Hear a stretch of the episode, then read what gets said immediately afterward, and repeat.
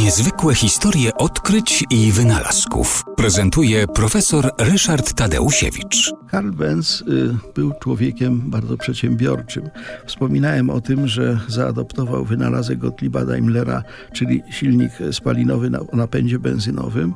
Zbudował pierwszy pojazd z takim silnikiem, najpierw trój, a potem czterokołowy, ale y, ten pojazd y, no, ciągle miał trudności z zapłonem, to znaczy nie wystarczyło do cylindra benzynę wymieszaną z powietrzem. Trzeba było spowodować, że ta benzyna tam się zapali, wybuchnie, wytworzy ciśnienie, napędzi y, tłoki, uruchomi samochód.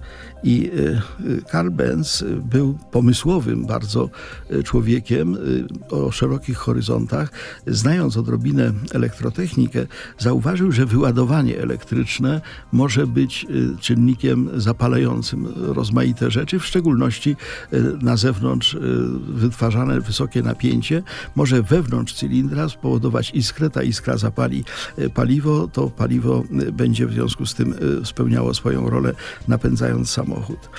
Ten pomysł i to, to odkrycie i ten powiedzmy pierwszy samochód i pierwszy silnik z elektrycznym zapłonem został uznany za tak ważny element kultury materialnej ludzkości, że uzyskał wpis UNESCO, to znaczy pierwszy samochód z napędem elektrycznym, z napędem spalinowym, ale z elektrycznym zapłonem konstrukcji Karla Benza, zbudowany w 1886 roku, został wpisany na listę zabytków UNESCO jako dziedzictwo y, kultury materialnej. Jest to rzadka dla inżyniera gratka, no bo y, inżynierowie jednak no, raczej y, są odnotowani w innych rejestrach, a nie w UNESCO. Karl Benz dostąpił tego zaszczytu.